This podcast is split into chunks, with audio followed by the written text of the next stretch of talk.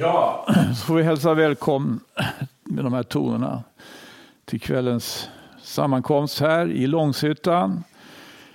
Vi ska läsa Bibeln och fortsätta med ämnet om Saltaren. Församlingen i Saltaren talade jag över för en vecka sedan och nu tänkte jag vi ska titta på förhållandet församlingens Herre och Saltaren. Och Saltaren den är ju skriven av ett antal personer och David är ju inte minst representerad. David själv uttrycker sig på det här sättet då han, som det heter, uttalar sig sina sista ord. Davids sista ord säger bland annat så här i Andra Samuelsbokens 23 kapitel. Så säger David, Isais son. Så säger den man som blev högt upphöjd. Jakobs, Guds smorde. Israels ljuvlige sångare. Herrens ande har talat genom mig. Så säger han. Herrens ande har talat genom mig. Det är alltså Herrens ande, Guds ande, som talar genom dessa salmer. Och det får vi ju klart för oss när Guds son själv anlitar Saltarens salmer för att förklara sitt ärende, liksom hans apostlar efter honom kommer att göra. Det finns vissa ställen som, om vi exempelvis läser bara eh, evangelium enligt Matteus, så, så är det ett antal tillfällen då salmerna blir citerade. Och jag ska ta och vi ska gå igenom några av de här ställena. Tänkte jag i, i, i, i Matteus evangelium och även kanske något annat evangelium. Vi börjar i, och det här tycker jag är något som kanske kan vara värt att, att ta med när Jesus blir frestad. Det, det, är nästan det första gången då när saltaren kommer liksom till uttryck i det här evangeliet. Så kommer saltarens verser som en frestelse. Frestaren kommer. Och han citerar ju en av saltarens psalmer. När han säger så här. Jesus blir utsatt för tre frestelser som, kom, som vi läser om i Matteus evangeliets fjärde kapitel. Vi läser det i från vers 5. Djävulen tog honom med sig till den heliga staden och ställde honom uppe på helgedomens mur och sa till honom, är du Guds son, så kasta dig ned. Det är ju skrivet, han ska giva sina änglar befallning om dig och det ska bära dig på händerna så att du icke stöter din fot mot någon sten. Så kan alltså Bibeln missbrukas. Jag bara tar det här exemplet, ska titta lite närmare på det sen. Vi ska också gå till eh, eh, vi kan gå till trettonde kapitlet i Matteus evangeliet. Där, där undervisar ju Jesus om liknelser liknelser som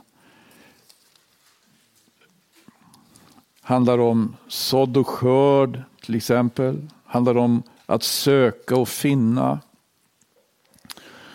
Och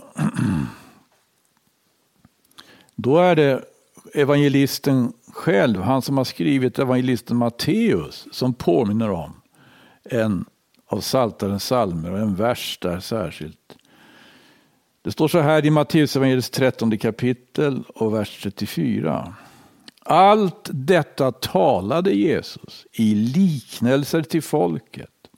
Och utan liknelse talade han intet till dem. Ty det skulle fullbordas som var sagt genom profeten som sa Jag vill öppna min mun till liknelser, uppenbara vad förborgat har varit från världens begynnelse.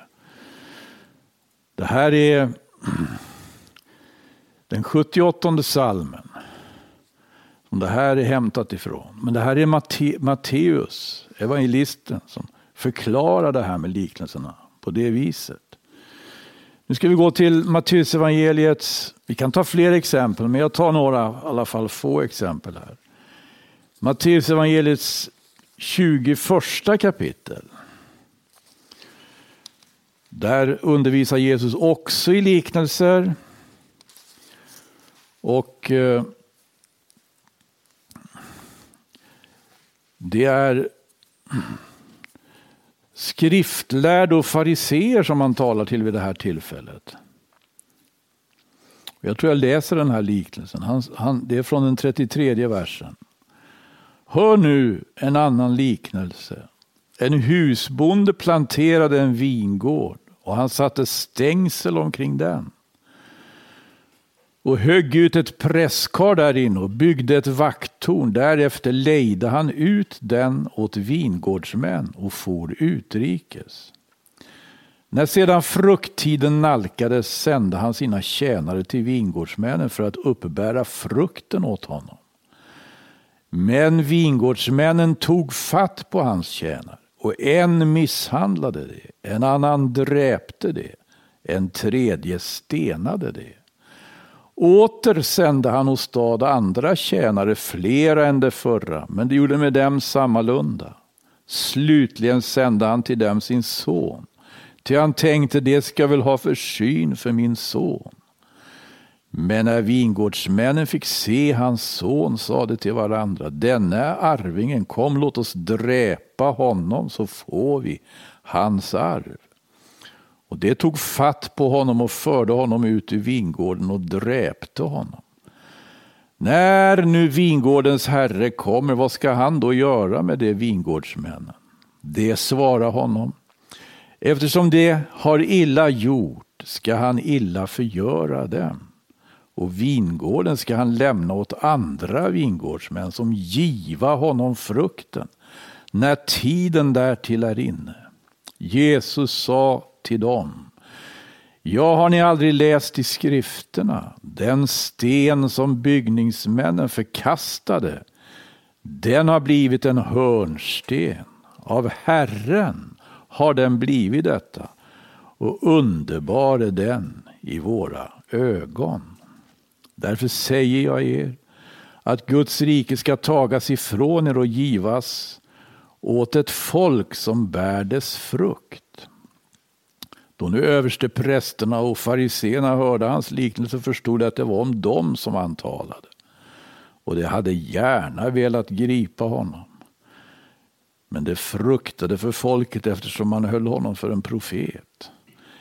I, i, i det att Jesus ger den här liknelsen då för att klart beskriva situationen för, för de här eh, överste prästerna och fariseerna. Så, så, så åberopar han psalm 118. Psalm 118, där just det här uttrycket finns. Den sten som byggningsmännen förkastade, den har blivit en hörnsten.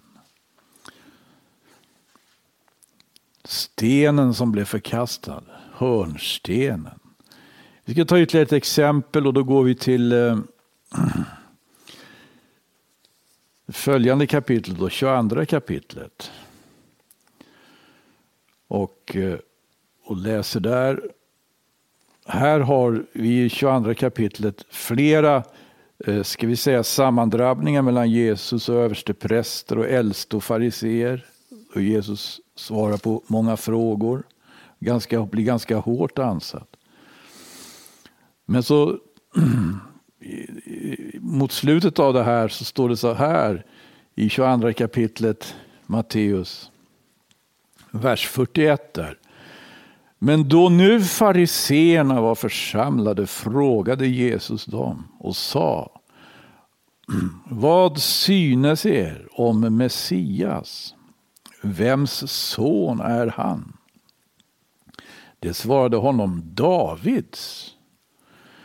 Då sa han till dem, hur kan då David genom andingivelse kalla honom Herre? Han säger ju, Herren sade till min Herre, sätt dig på min högra sida, till dess jag har lagt dina fiender under dina fötter. Om nu David kallar honom Herre, hur kan han då vara hans son? Och ingen förmådde svara honom ett ord. Ej heller dristade sig någon från den dagen att vidare ställa någon fråga till honom. Här citerar Jesus själv psalm 110. Psalm 110. Och eh, vi ska ta ett exempel tror jag. Därför att då jag börjar i Matteus här. Det är ju samma med brödsbrytelsen.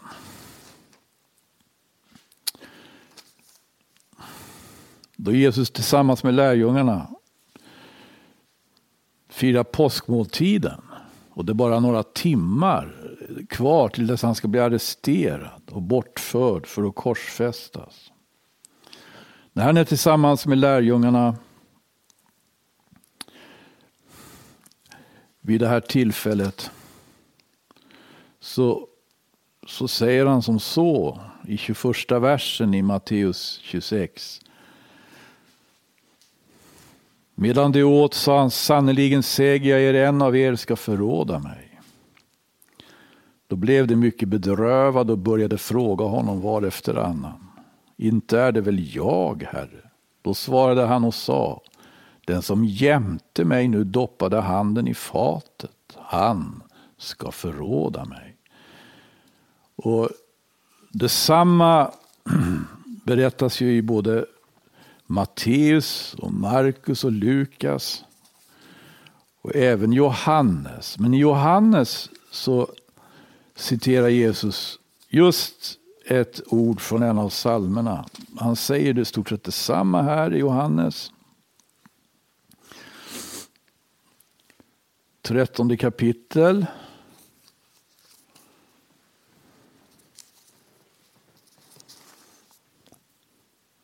Vi går till vers 16 där då.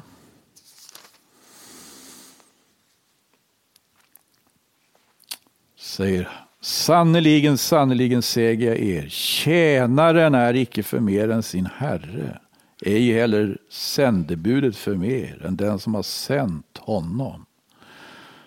Då ni vet detta, saliga är ni om ni också gör det.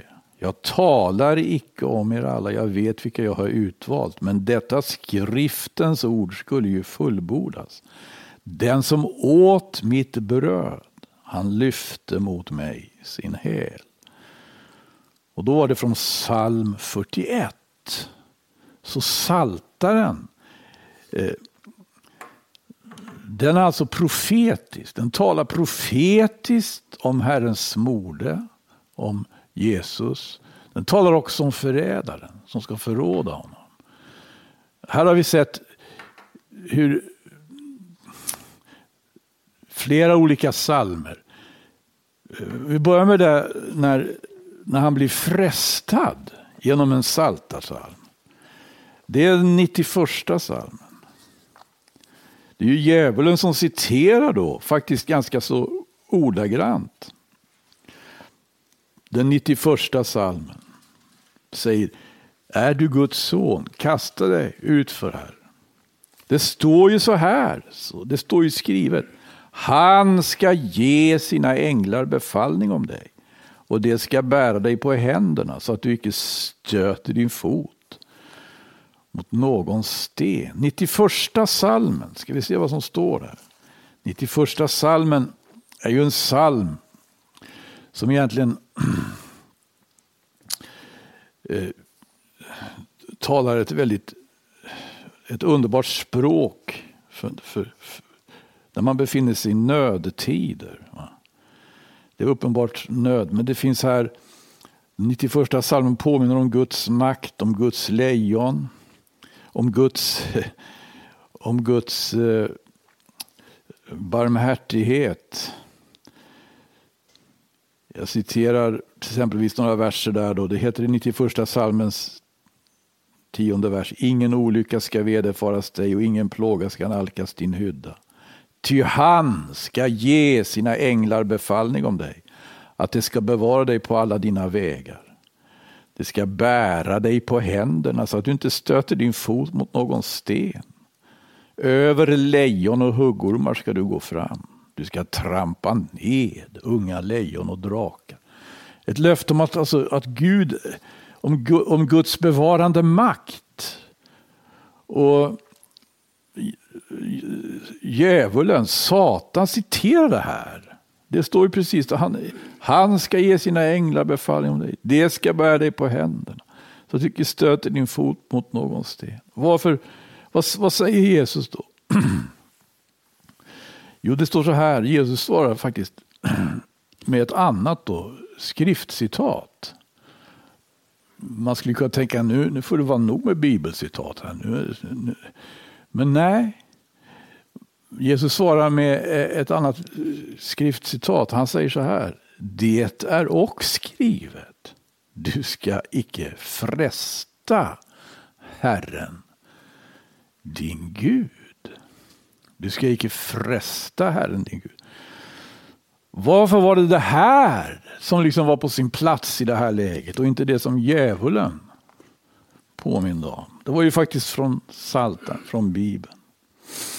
Ja, den 91 salmen börjar ju med det här. Den som sitter under den högstes beskärm och vilar under den allsmäktiges skugga.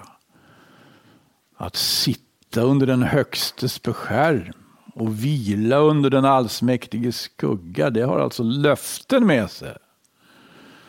Men att lyssna till djävulen, det är ju att överge den positionen. Det är ju att överge den platsen.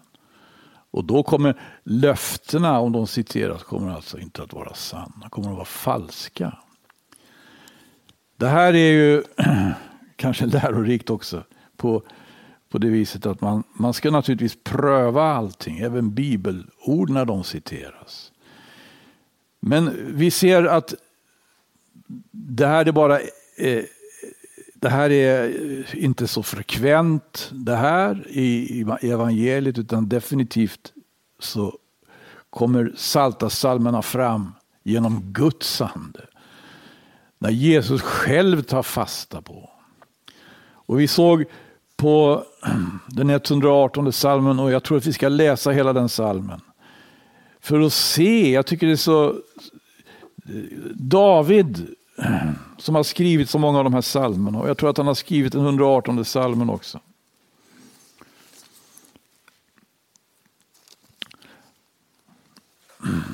Han, han, han sa ju det, Guds ande har talat genom mig.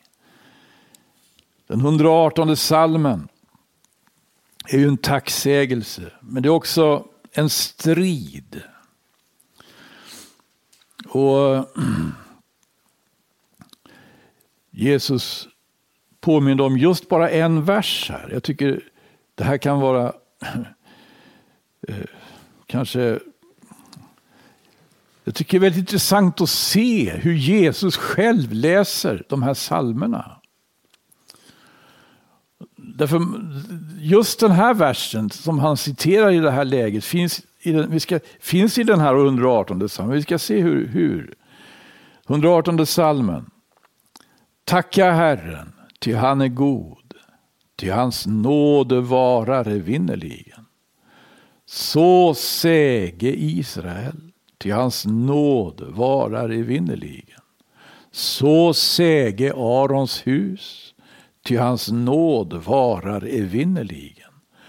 Så säge det som fruktar Herren, ty hans nåd varar evinnerligen. I mitt trångmål åkallade jag Herren.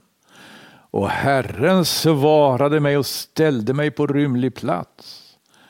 Herren står mig bi, jag ska icke frukta. Vad kunna människor göra mig? Herren står mig bi, han är min hjälpare och jag ska få se med lust på dem som hatar mig. Bättre är att taga sin tillflykt till Herren än att förlita sig på människor. Bättre är att taga sin tillflykt till Herren än att förlita sig på furstar. Alla hedningar omringar mig, men i Herrens namn ska jag förgöra dem. De omringar mig, ja, de omringar mig, men i Herrens namn ska jag förgöra dem. De omringar mig såsom bin, men det slocknar såsom eld i törne. I Herrens namn ska jag förgöra dem. Man stöter mig hårdeligen för att jag ska falla, men Herren hjälper mig. Herren är min starkhet och min lovsång, och han blev mig till frälsning. Man sjunger med jubel om frälsning i det rättfärdigas hyddor. Herrens högra hand gör mäktiga ting. Herrens högra hand upphöjer. Herrens högra hand gör mäktiga ting.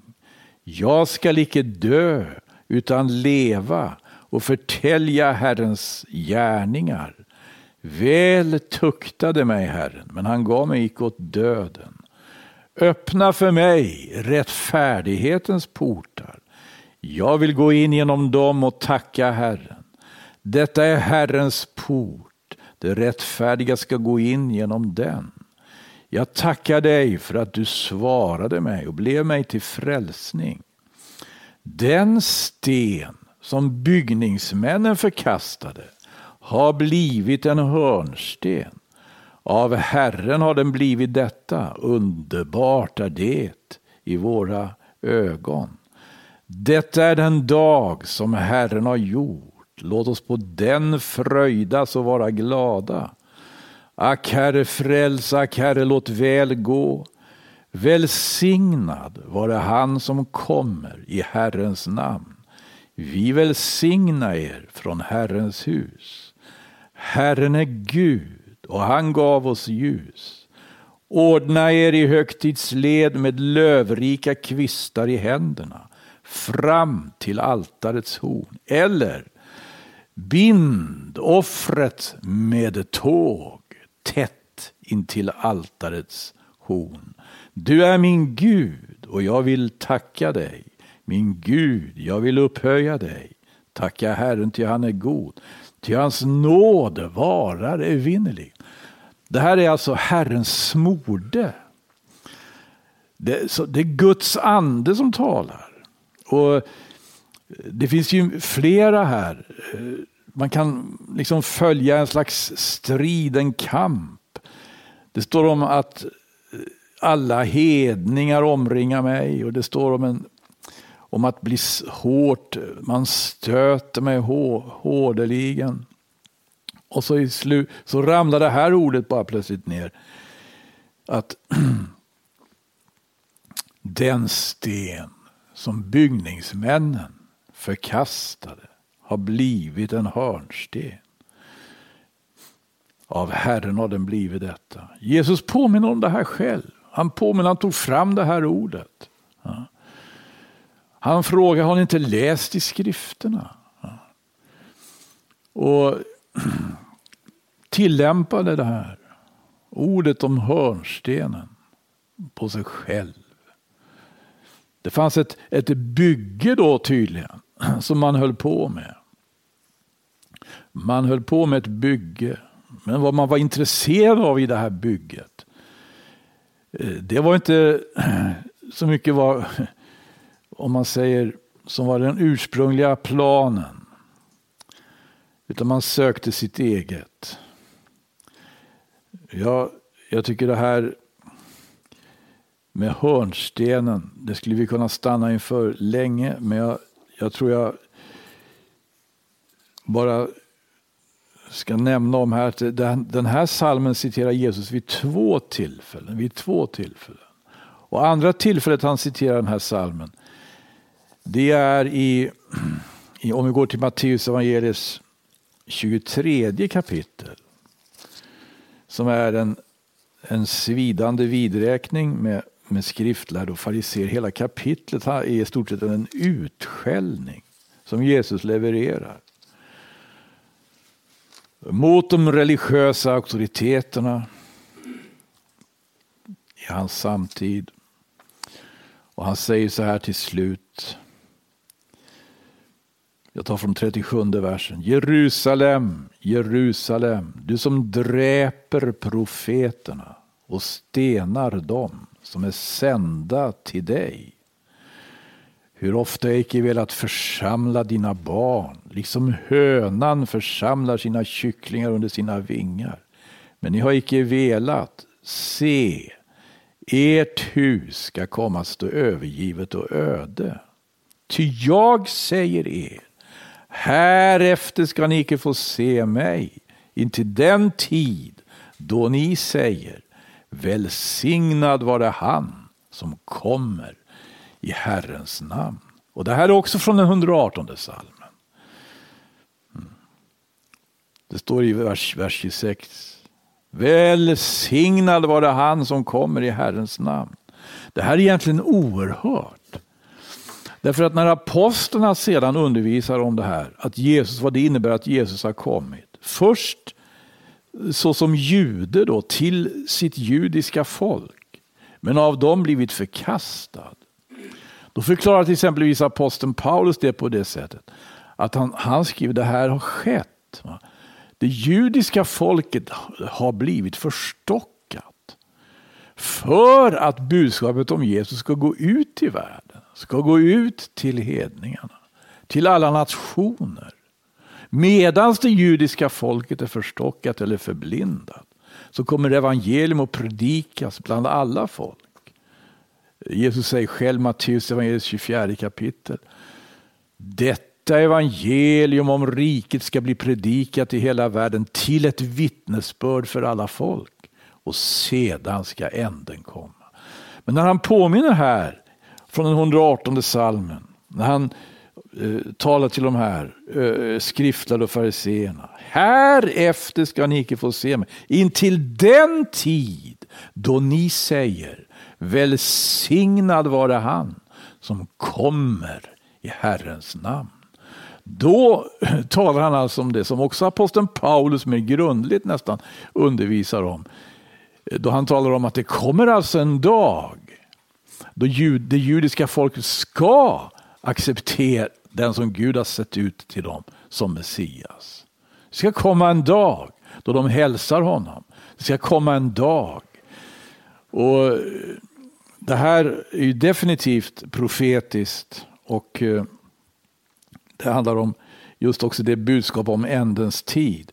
Jag, jag vet inte om inte man kan säga att den 118 salmen eh, ger ett visst perspektiv på det här med både missionen och ändens tid. Därför det står alltså om den smorde som har det väldigt trångt bland hedningarna i den 118. Alla hedningar omringar mig, står det i tionde vers. Men i Herrens namn ska jag förgöra det.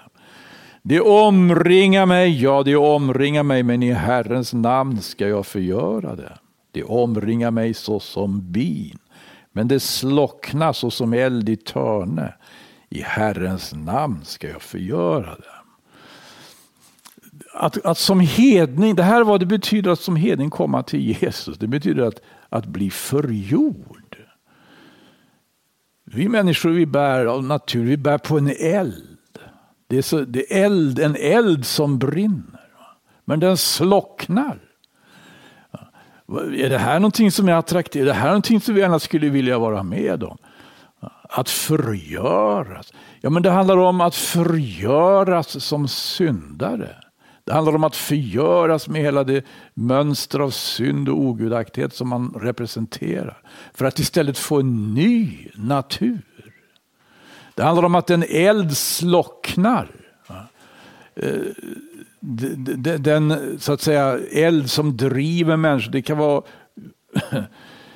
det kan vara till exempelvis eh, en, en, en, en Herrens tjänare har talat om tungan är en eld tungan, talet. som kan starta väldiga skogsbränder. Men när vi kommer till Jesus så slocknar den elden. Du får en ny natur, vi får en ny tunga.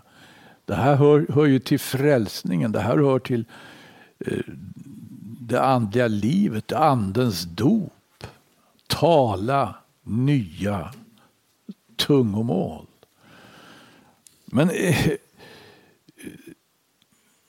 här, här har vi också hörnstenen. Ja, jag tror man kan hämta väldigt mycket ur Psaltarens psalmer. Herren Jesus Kristus åberopade Psaltarens salm. Åberopade Psaltaren, kallade Psaltarens psalmer för lagen. Det tycker jag också är ganska märkligt. Han kallade skrifterna, det, det ingår i skrifterna, vi brukar dela upp det och tala om ja, lagen och profeterna och salmerna. Men han kallar salmerna för lagen. Det gör han när han talar till eh, i Johannes evangeliets tionde kapitel.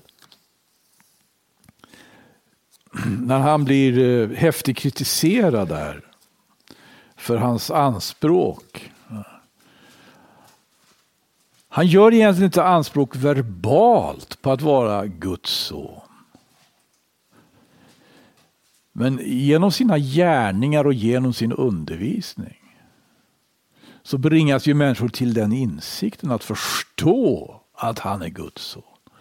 Och när en människa väl har förstått och kommit till tro på honom då förnekar han ingalunda att så är fallet. Han blir väldigt kritiserad, häftigt kritiserad i Johannes evangeliets tionde kapitel för det här anspråken.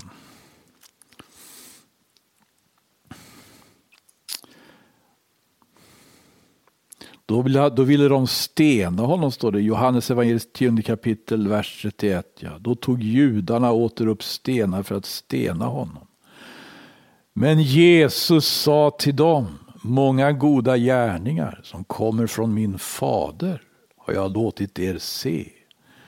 För vilken av dessa gärningar är det som ni vill stena mig? Judarna svarade honom, det är icke för någon god gärnings skull som vi vill stena dig, utan därför att du hädar och gör dig själv till Gud, du som är en människa.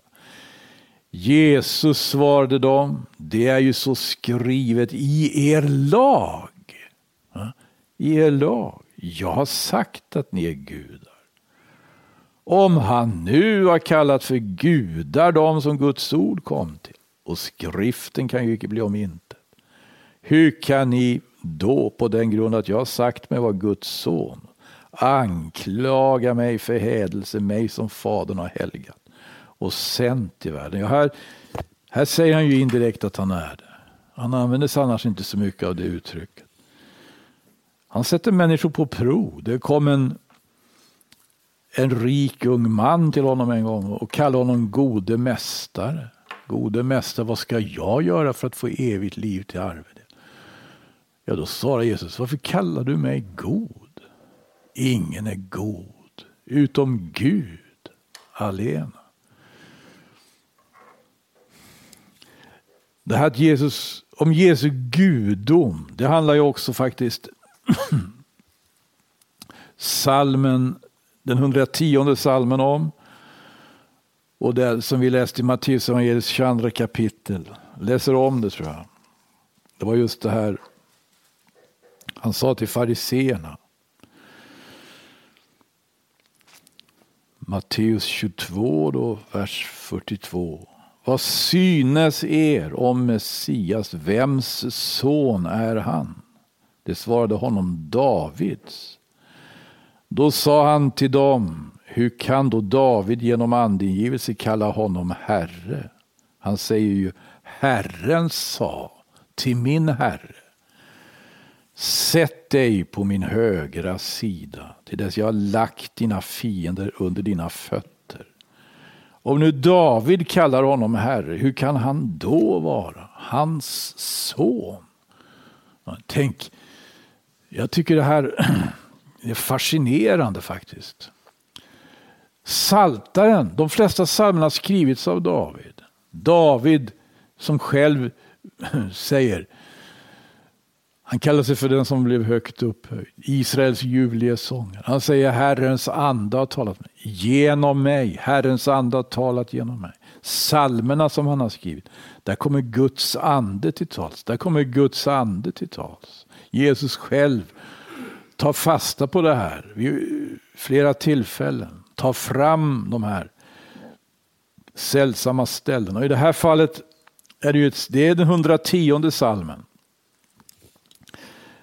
Den är egentligen också väldigt rik till sitt innehåll. Och vi kan titta på den också. 110 salmen.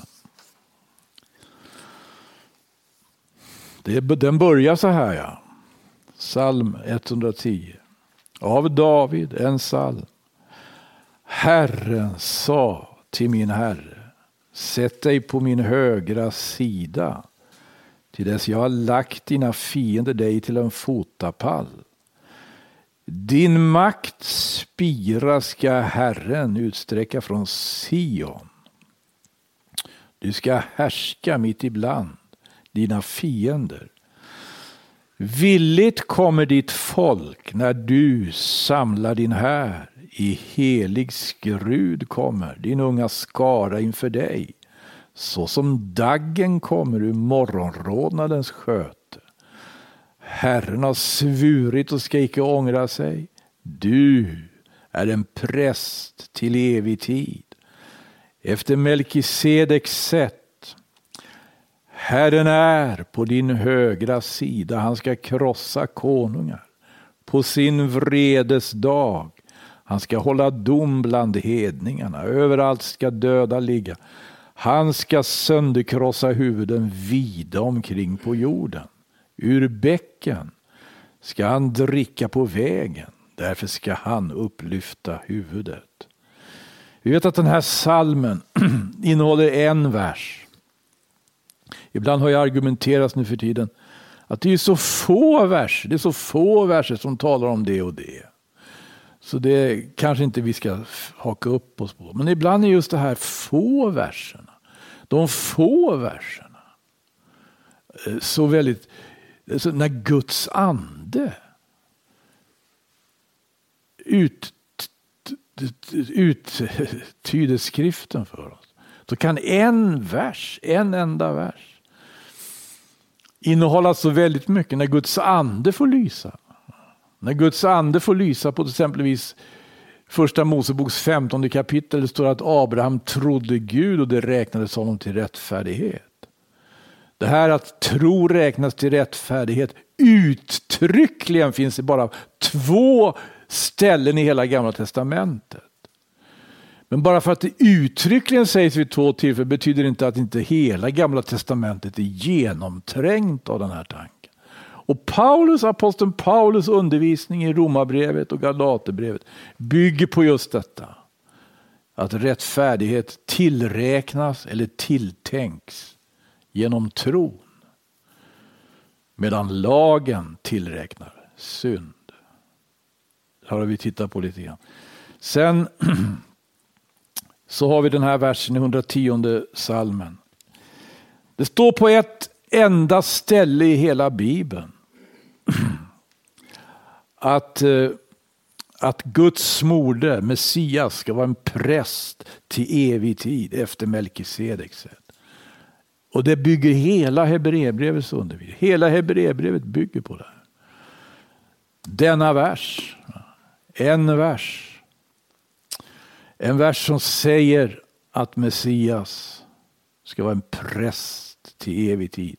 En annan vers i Psaltaren säger att han ska vara Guds son. Jesus själv påminner aldrig om den salta salmen. Men när Jesus har blivit korsfäst, när han har, blivit, när han har dött på korset, när han har utgjutit sitt blod för världens synd när han har blivit begraven, när han har blivit uppväckt från de döda, när han har farit upp, som det heter, upptagits till Fadern, till att sitta på Faderns högra sida, då börjar apostlarna predika. Och då tar de fasta på den andra salmen i Salteren. Tänkte vi ska ta med det också. Psalm 2, vi går dit.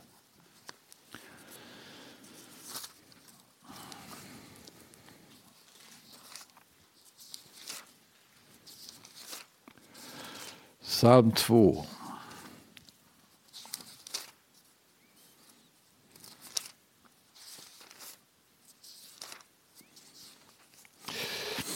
Varför larma hedningarna? Och tänka folken fåfänglighet? Jordens konungar resa sig upp och furstarna rådslå med varandra mot Herren och hans smorde. Låt oss slita sönder deras bojor och kasta deras band ifrån oss. Han som bor i himmelen ler. Herren bespottar dem, då talar han till dem i sin vrede och i sin förgrymmelse förskräcker han dem. Jag själv har insatt min konung på Sion, mitt heliga berg. Jag vill förtälja om vad beslutet är. Herren sa till mig, du är min son, jag har idag fött dig.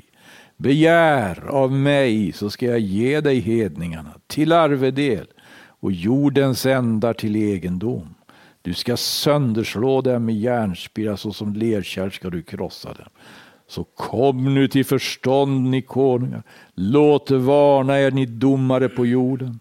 Tjäna Herren med fruktan och fröjda er med bävan. Hylla Sonen, så att han icke vredgas och ni förgås på er väg. Ty snart kunde hans vrede upptändas. Saliga är alla de som tar sin tillflykt till honom. Och när vi läser Apostlagärningarna så, så finner vi ju just församlingen, den första kristna församlingen, i Saltaren, i det fjärde kapitlet i Apostlagärningarna, där de hade blivit gripna därför att de predikade evangelium om Jesus. Och de hade ställts inför ett ultimatum. Att hålla tyst annars men det heter så här i Apostlagärningarnas fjärde kapitel från vers 23. När de alltså hade blivit lösgivna kom de till sina egna och omtala för dem allt vad överste prästerna och de äldste hade sagt dem. Då de hörde detta ropade de endräktigt till Gud och sa Herre, det är du som har gjort himmelen och jorden och havet och allt vad i dem är. Och du har genom vår fader Davids, din tjänares mun sagt, genom helig ande. Varför larmade hedningarna och tänkte folken få fänglighet? Jordens konungar trädde fram och furstarna samlade sig tillhopa mot Herren och hans mode. Ja, i sanning, det församlade sig i denna stad mot din helige tjänare Jesus, mot honom som du har smort. Herodes och Pontius Pilatus med hedningarna och Israels folkstammar. Det församlade sig till att utföra allt vad din hand och ditt rådslut förut hade bestämt ska ske. Och nu, Herre, se till deras hotelser och giv dina tjänare att de med all frimodighet må förkunna ditt ord. I det att du uträcker din hand till att bota de sjuka och till att låta tecken och under ske genom din helige tjänare Jesu namn. Då kunde de alltså ta fasta på en psalm av David som skrivits tusen år tidigare, som David hade stämt upp tusen år tidigare och peka ut vad som hade skett i deras samtid. De så att säga konungar och de första som var anonyma i Davids psalm, de blir plötsligt väldigt eh, ska vi säga, konkreta, bestämda personligheter som, som opererar och som eh, samarbetar på sånt sätt att Jesus blir korsfäst. Att hörnstenen blir förkastad. Och det här, så länge församlingen finns i tiden, så länge församlingen är här på jorden, så har vi anledning att vara vaksamma och äga beredskap vaksamma inför det profetiska ordet. För att den här situationen, den gick ju i fullbordan i den meningen som vi läser här på apostlarnas tid. Men vi läser i Uppenbarelseboken om att det kommer en fas i ändens tid. Det heter så här i Uppenbarelsebokens 19 kapitel. Då vi läser om ryttaren på den vita hästen. Som fått namnet Guds ord. Och det handlar om Jesus. Och det handlar om att det handlar om hans tillkommelse i härlighet. Och det, det finns en beredskap alltså att, eh, att motsätta sig detta.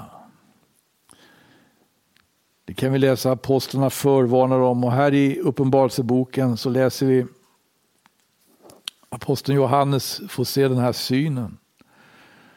I Uppenbarelsebokens 19 kapitel och 19 vers. Och jag såg vilddjuret och konungarna på jorden med sina härskaror samlade för att utkämpa sin strid mot honom som satt på hästen och mot hans härskara. Vem är det som satt på häst? Det är Herrens smorde. Det är Herrens smorde.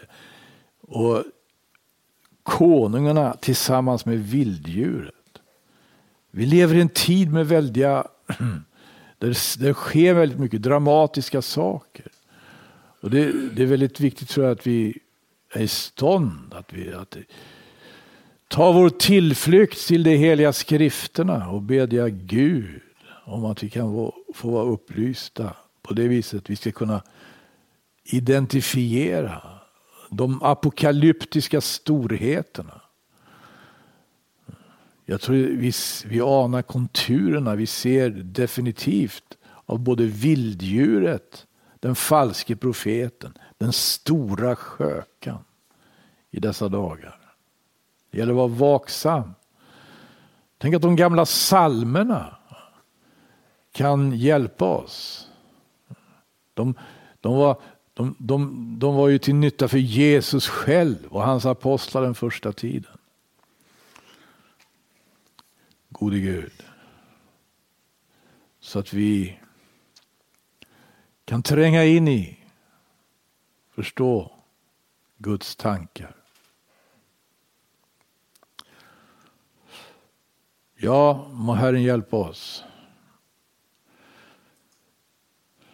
Kanske får nöja mig med det här den här gången.